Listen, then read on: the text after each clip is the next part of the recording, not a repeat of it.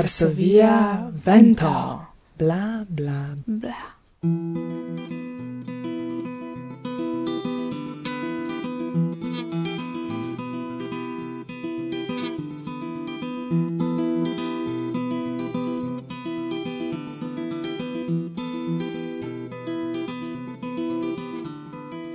Curtare vido ce la porto del somero, cae ciel ciam vi malfrui bezonis por momento revivigi la revon kiun mi detruis ciu vi audas min nun? Min ne mancas la malcerto, sed min mancas la legger kai la voce de tener Ciu tage dum la iaro mi pensaris pri vi, vi anca pensas pri mi plu.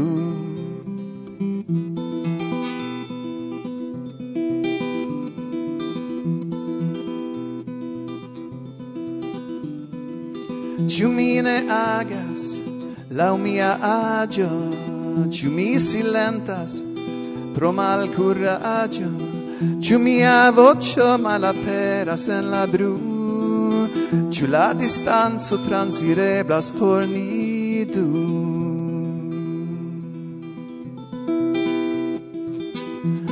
mancas la malseto, sed min mancas la legge, che la voce de tene. Ciu tage dum la iaro e mi pensaris pri ciu vi anca pensas pri mi plu. Jes mi ripetas min, cae elusigis la tem. Se vi pardonis Ĉu mi pardonos min mem?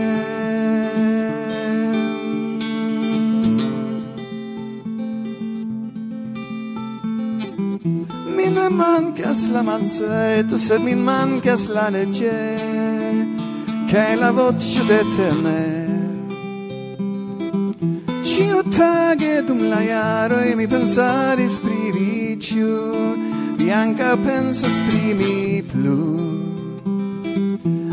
mancas la malseto, sed mi mancas la legge, che è la voce de tenere. Ciu tage dum la e mi pensaris pri vi, ĉu vi anca pensas pri mi?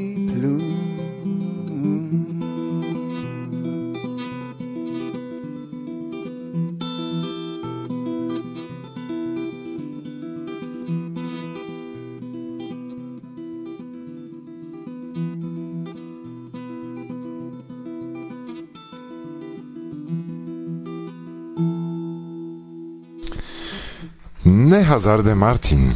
Ne hazarde. Laste Martin grave malsanigis. Sed iam, lau annoncoi de Flo, li revenas al pli cae pli bona stato. Ec commencis interparoli serioze cun sia gitaro.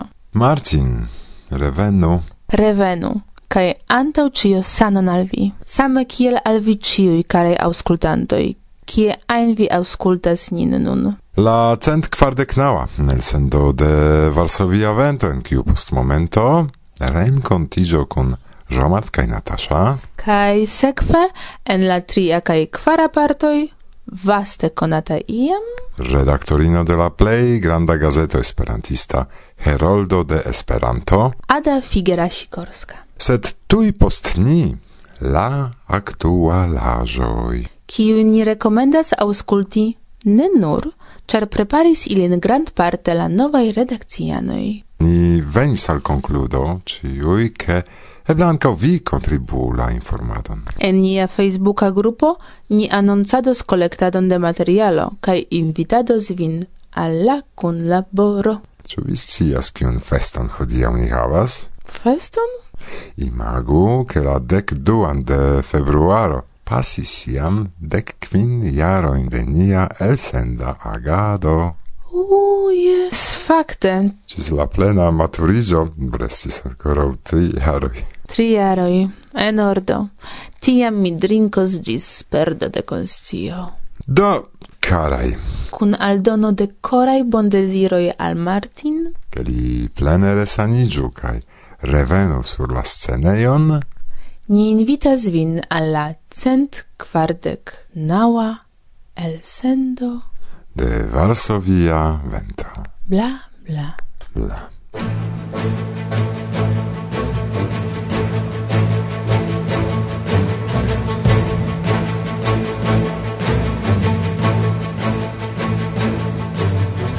La eksamen komisiono kune kun la Budapeszta Examen Centro Origo planas enkonduki novan kernivelon, nome la plej altan ŝtupon CO2. Pro la fakto, ke la ellaborado de la nivelo kaj ties testoj kostas multe da labortempo kaj energio. Katalin petas ĉiujn, kiuj interesiĝas pri tiu nivelo aŭ havas opinion pri la temo. Viziti la enket-ilpaĝon kaj esprimi sin. Respondo al la demandoj ankoraŭ ne estas aliĝo.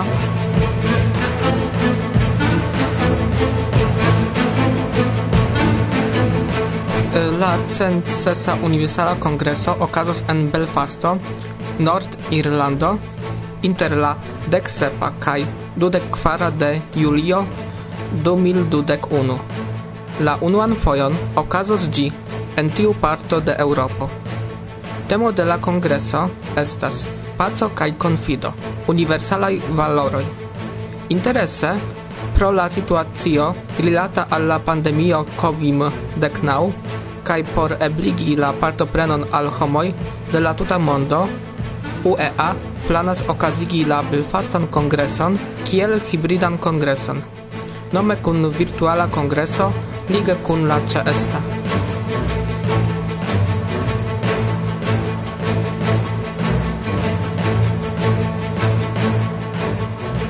Jus aperis nova kododisko kun klasika muziko de nia amiko Hafeo Miliomen, ankaŭ konata en Esperantujo kiel Rafael Milhomem, pri kiu detalajn informojn kompreneble vi trovos en retejo de Vinil Kosmo. Se vi ŝatas sonon de la klasika gitaro, nepre ekinteresiĝu.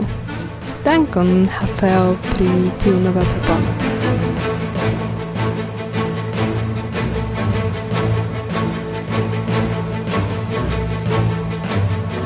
Iam, iam ni informis, ke la malagasaj esperantistoj proponas al ĉiuj esperantistoj monatan podcaston pri Malagasio. Aminda Radio Esperanto aperigis jam cent kvinan elsendon, el kiu vi ekscios multe da novaĵoj el tiu ekzotika insulo kaj ne nur. Se vi ŝatas podcastojn, en vian liston aldonu ankaŭ la elsendojn de Aminda Radio en Esperanto.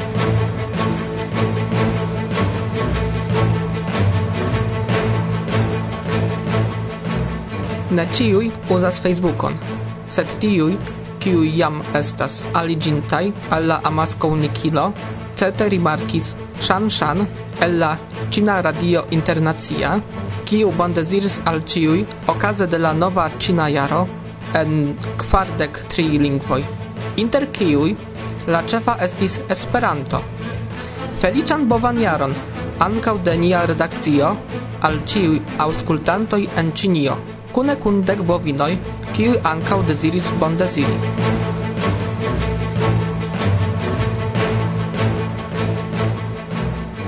En la YouTube kanalo de ECI, kiun al ciu ŝatantoj de la filmetoj aparte ni rekomendas aboni, aperis laste nekutima recepto de la nacia plado de Skotlando. Tiu nova filmeto de Johnny, volontulo de ECI, certe ekplaĉos al vi klaku la ligilon en la priskribo por ĝinspekti.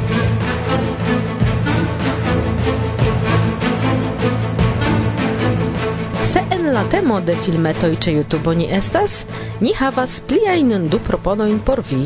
La unua estas invito al esperantistoj viziti Venezuelon. Hazer Dorante proponas al vi ekscii kelkajn rakontojn de la venezuelaj postvivantoj. Klaku en la ligilon por pli profunde esplori la temon kaj ĉe la okazo konvinki nian venezuelan fraton aktiviĝi pli. La dua propono estas YouTube-kanalo de la Esperanta Junularo de Katalunio. Kaj kvankam la kataluna kanalo estas establigita antaŭ nelonge, en decembro 2010, vi trovos tie parolantoj de Esperanto el la tuta mondo, kiuj konigas interesaĵojn pri sia landa kulturo. Ĝis nun Oni povas parolo parolojn pri gravajn poemojn, pri okcitana geografio, historio, lingvo kaj pri Kroatio. Ankaŭ al tiu kanalo vi trovos ligilon en la priskribo kaj ĉe la okazo varman saluton de Varsovia Vento al ĉiuj esperantistoj en Venezuelo kaj Katalunio. Bla bla bla.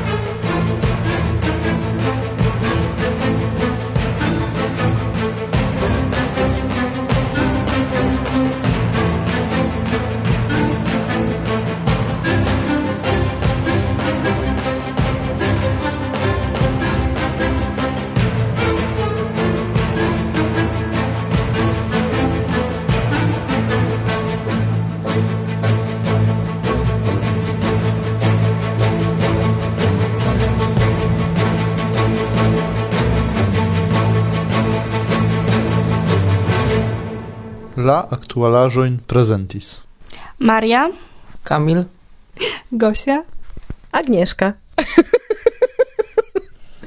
kaj mi, Marek. Martin Wiese!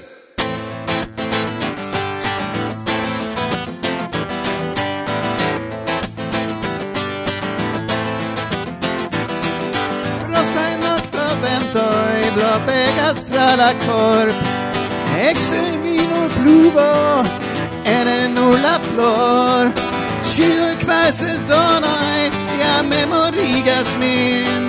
Pri praokazaĵoj restantaj en la cor.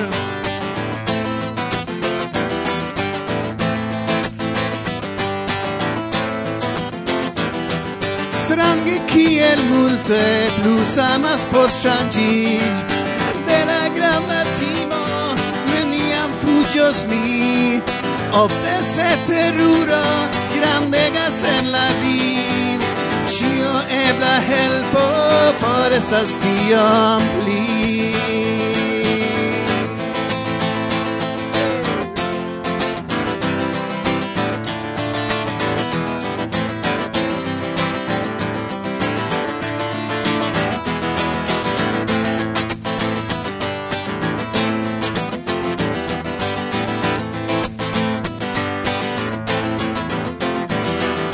Amenio estas alia en la nun.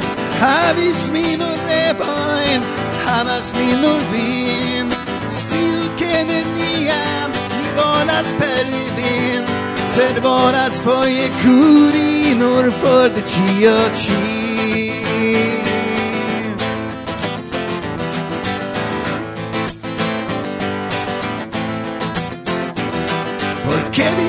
comprenu pli bone ekde nun. Ie mi vin racontos pri pens de mia cor Ne mortos mi se igios per arro la magioi.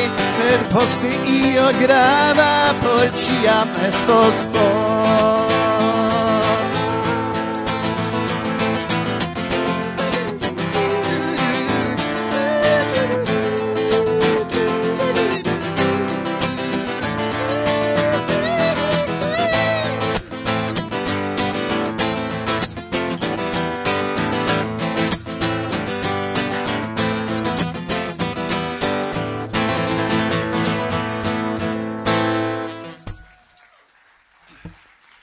Dankon.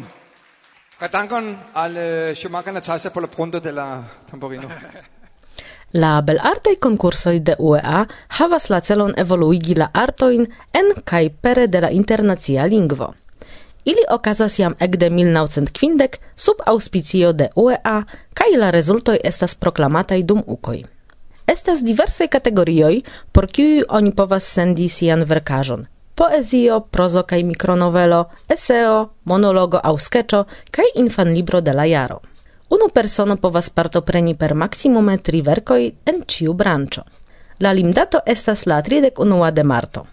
Oni sendu po unu tajpitan ekzempleron de ĉiu konkursaĵo, krom en la branĉo infanlibro, al belartaj konkursoj de UEA ce Miguel Gutierrez Aduris prefere poste al la adreso, kiun vi trovos en la prescribo. Por la Infan Libro oni sendu unu exempleron de la concerna libro al la adreso de Miguel Gutierrez Aduris, la sama kiu estas en la priskribo, kaj tri exempleroin al Ionel Onet de Centra Oficejo de UEA. Pli da detaloj en la priskribo. Awe.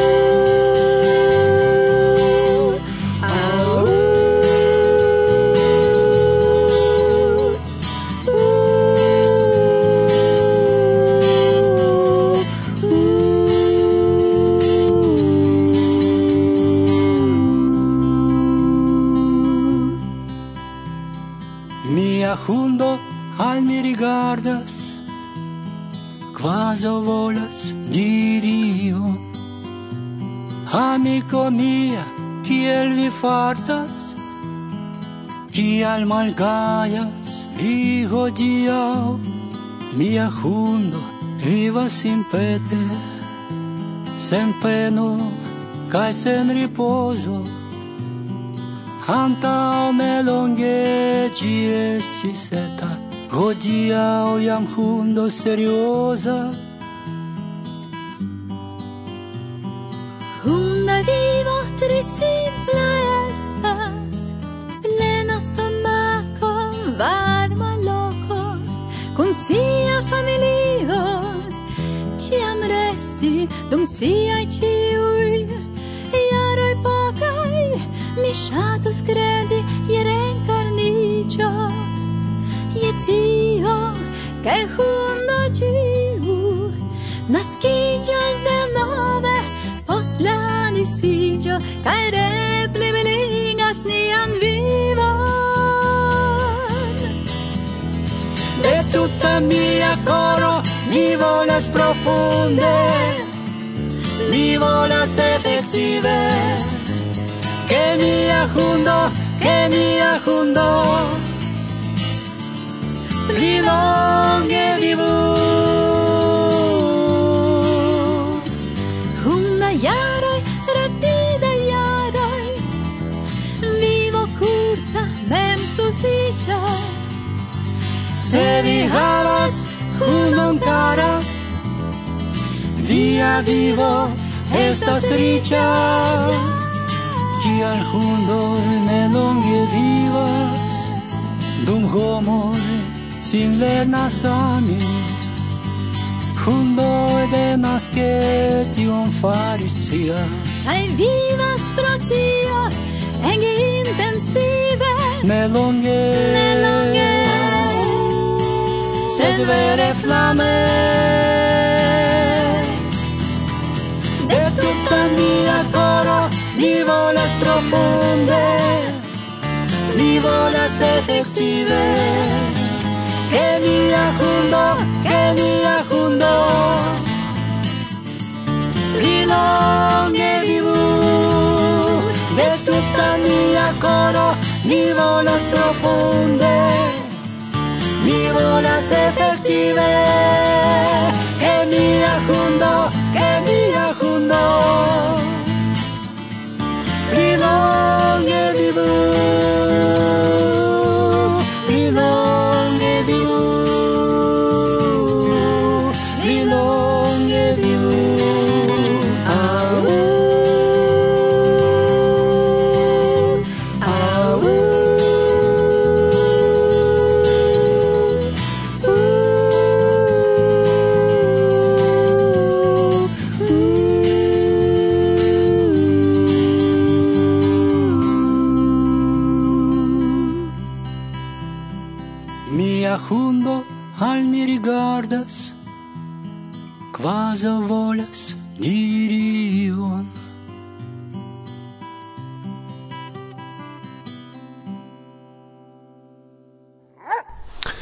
Ĉu vi imagas la kulturon esperantistan sen Jean-Marc kaj Natasha?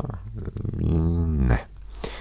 Verdire kaj eh, kvankam eble inter la novuloj troveblas tiuj, kiuj neniam aŭdis pri tiu muzika duopo, kuraĝe mi povus diri, ke se Antoni Grabowski iĝis patro de la kulturo esperantista, ilin oni povas nomi la unuae gepatroi de la barda cantado. Pri la avo Michael Bronstein kai pri multae aliai cusoi de la familio compreneble mine forgesas, sed ja la barda familio estas nur unu kiel ne rigardi. En la provizora studio apud mi sidas Gosia kai Kasia Kai antauni. Жомарт kaj Natasha. Eh, mi estas Natasha. Saluton. Saluton. Kio ĉe vi karaj gepatroj? Fakte okazis multe. Jes, kaj ni klopodos dum ĉi tiu intervju rakonti pri ĉio, kio okazis en nia vivo. Sed ĝuste nun en Stokholmo estas minus dek gradoj da frosto kai estas nege belege kai ne ege gioias pri tio kai yes es bele. Yes yes kai tiu vetero daurigios dum eh, dec eh, proxima tagoi do ne antaŭ vidu bonan senton. Antaŭ ol ni babilos pri tiu malfelicio kiu tuŝis la tutan mondon unue, char pli frue mi havis nur iajn supozojn, Sincere mi tostas vian sanon per alkoholo, kiu pli mal pli de kiarojn antaŭe dum la unua jesen zakopane portempe murdigis vian voĉon Jomort. Pere de tiu black chai kiu portis al mi donace Petro. Je via sano, cara? Yes. Compreneble, estas vere, vere forta. Mi havis strangan senton en la gorĝo. Sed eh, jes, esas interese gustumi tion. Do fakte mi daŭre memoras la brulan senton en la tuta gorĝo post nur unu tia guto de la brando. Sed um, do mi certe preferas pli malfortajn drinkaĵojn. Eh, no, sed certe estis sendube interesa kaj amuza memoraĵo. Interesa kaj amuza, eh, okdek du procenta mm, mago, Kaj tiam se, mi bone memoras, vi prenis po plena kaliko, kaj mi gusto mistri kompreneble. rememoroj. Estis bela renkontiĝo tiam. Laŭ mi unu el la plej kunaj etosa aranĝoj, kvankam partoprenis ĝin preskaŭ tricent homoj. O oh, jes, mi memoras Sakopane, mi memoras jes, la unua. Estis freneze bona etoso, kaj ni kantis ĉiu vesper ien en koridoro aŭ ien en iu ĉambro nur por eh, simple kanti por esperantistoj estas vere bona etoso kaj la memurbo estas belega concerto estas vere vere bona mi transdonis saluton de Martin kaj Alejandro Yes, ni faris iliajn kantojn, ĉu ne? Kaj preparis, ĉar ili ne povis veni al la koncerto. Uh, mi memoras bone, che la etoso dum la koncerto estis perfekta kaj varma. Karina havis sian naskiĝdaton tian tagon. Dum la koncerto venis organizantoj yes. portante la torteton kun candelo por eh, Karina. Um, kaj ŝi estiĝis tiom ĝoja, ke tio estis tute atendita surprizo. Ŝi yes, estis feliĉa. Kaj ankaŭ Jomart ne havis eh, kiel ĉiam vintre li havas iom da problemojn kun la voĉo, do tio estis ege bona momento por li iomete ripozi. do du bonaj ŝancoj.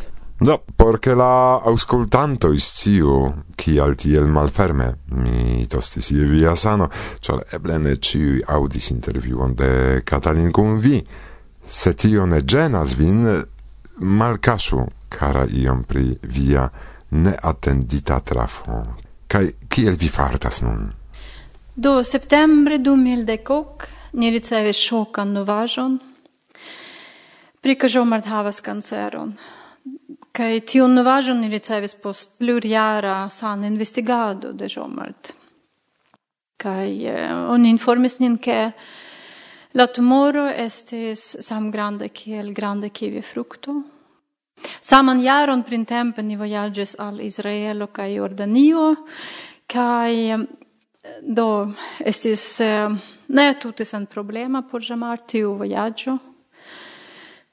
Sed char ni ancora ne siis le kialon, do ni ne povis iel ŝanĝi la planojn kai do eble se ni eh, tiu voyaggio ne okazo. Do, dum eh, duon jaro Jomart suferis intensan canceran curatsadon, kai poste venis operatio, kai estis post ancora dun jaro de la rehabilitado. Do presca por uh, tuta jaro ni uh, ni ein vivoin, sed uh, chance ni venkis. Kaj kiel Jomart skribis en sia canto, Se cervivo sur terra ja estas tia, neniae garantioi, Kai post la resanigio, Jean-Mart non ec pli multe da tempo dedices al Esperanto musico, kion mi esperas, kai ni esperas, ke vi ciui rimarkis. Do, mi ne povas diri, che esas tutte ne attendite por mi, anco por Natasha. Du multe jaro mia sana esis pli kaj pli malbona, kaj kuracisto ne povis trovi la kialon. Ni kompreneble suspektis, ke io estas nenormala. Estas fakte tre peza tempo por mi. Kaj Natasha helpis min multe. Sen ŝi mi ne povis plene resaniĝi, mi pensas. Do, mi dankas vin ligilon al la menciita interviuo de Catalin, same kiel ligilon al interviuo de Gioia presentita sur la ondoj de la Cina Radio Internacia, serĉu en la priskribo. Ce la ocaso, core mi salutas vin du, carai, Catalin cae Gioia, el nia provisora studio. Bla bla bla. Kaj eh, revenanta al nia interparolo, mi nur povas imagi, kaj imagia ne signifas senti kaj travivi, Kiel malfacilan periodon travivis ambau vi dum la lasta jaroj, O Oh, yes. Mi devas diri, ke la lasta kvar jaro esis tre malbone por ni. Unue mia patrino forlasis nin, kaj poste mi ricevis la diagnozon, kaj poste venis la pandemio. Kaj ankaŭ gepatroj de Natasha estis malsanaj, kaj por cio okazaĵo mi kreis kanton. Tio helpis nin travivi tiun periodon. Kion diri? La vivo? Mm, Do, nun mi transdonas mikrofonon al Gosia. Mm, saluton, carai. Saluton, char pli fruen nur mi presentis min, set eh, vin mi ne salutis. Nu, eh, en la canto promesu al mi, Vi racontas pri viei spertoi en batalado contra cancero. Mi auscultis vian intervion cun Katalin, dum kiu vi menciis, ke ancora vi ne pretas verki canton pri la malsano, char vi bezonas havi distancon al tio kio okazis. Iom post la interviuo presentis vi promesu al mi. En la canto vi racontas pri interconsento cun la sorto, kai pri tio, che oni neniam perdu esperon. Ču promesu al mi estas giuste tiu komponaĵo al kiu vi bezonis maturiĝi? Dankon, kara Gose. Yes, mi bezonis la tempon. Sed, kiam mi komencis krei la kanton, ciu iris tre tre rapide, ĉar la temo estas proksima al mi, ĉu ne? Kaj la respondo de aŭskultantoj estis grandega. Multe esperantistoj kontaktis nin kaj rakontis pri sia simila situacio. Kaj uno el ili giuste nun havas eh, kancerkuracadon Kaj ni shatus transdoni al tiu persono ni ein bracumoin ni ein kisoin ni an amon kai la plej bonajn dezirojn pri la resanigio Yes, ni pensas pri vi, cara messaggio Ke ĉiuj ni rigardu la futuron kun suno en koro, malgraŭ malfaciligoj? yes ankaŭ via messaggio esas bona.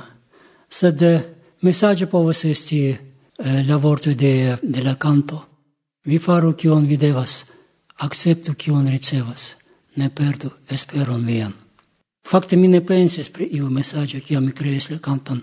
Mi simple havis grandan bezonon rakonti pri malsano, pri ĉio. Pri batalo. Pri la batalo. Tio ŝajnas al vi nereala, kvazaŭ tiu malsano brutala, kvazaŭ tiu jaro malbona ocasis al alia persono. Ien estas vivo via che mi Cae radi terapio espero Cae malespero doloro Maligna tumoro. Via post operazia cicatro quaso Sur corpo arto a testa sprila dangera limo, al tiu viestis proxima. Vi faru tion vi devas, acceptu kion ricevas, ne perdu esperon vian, al frontu la defion. promesso al mi tion, promesso al mi mission, promesul mission. Amico, mi diri volas vi certe, ne estas sola ja multaj anca ankaŭ mi esistie en situazio via. Mi sias ne estas juste che Mal sanas vi ĝuste, sed vivo surtera ja estas tia, neniaj garantioj. Vi faru kion vi devas, akceptu kion ricevas, ne perdu esperon al alfrontu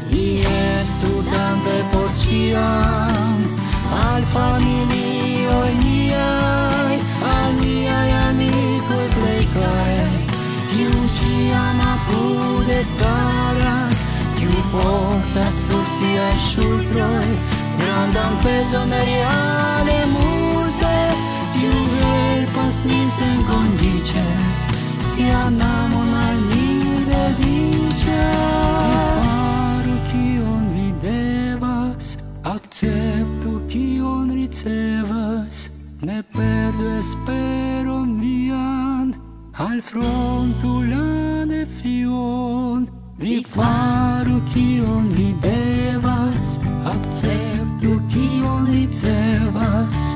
Ne perdu esperon vian Al frontu la nefion. Vi faru kion vi devas Acceptu kion ricevas. espero un día al front una. Promeso al mition. Promeso al mition.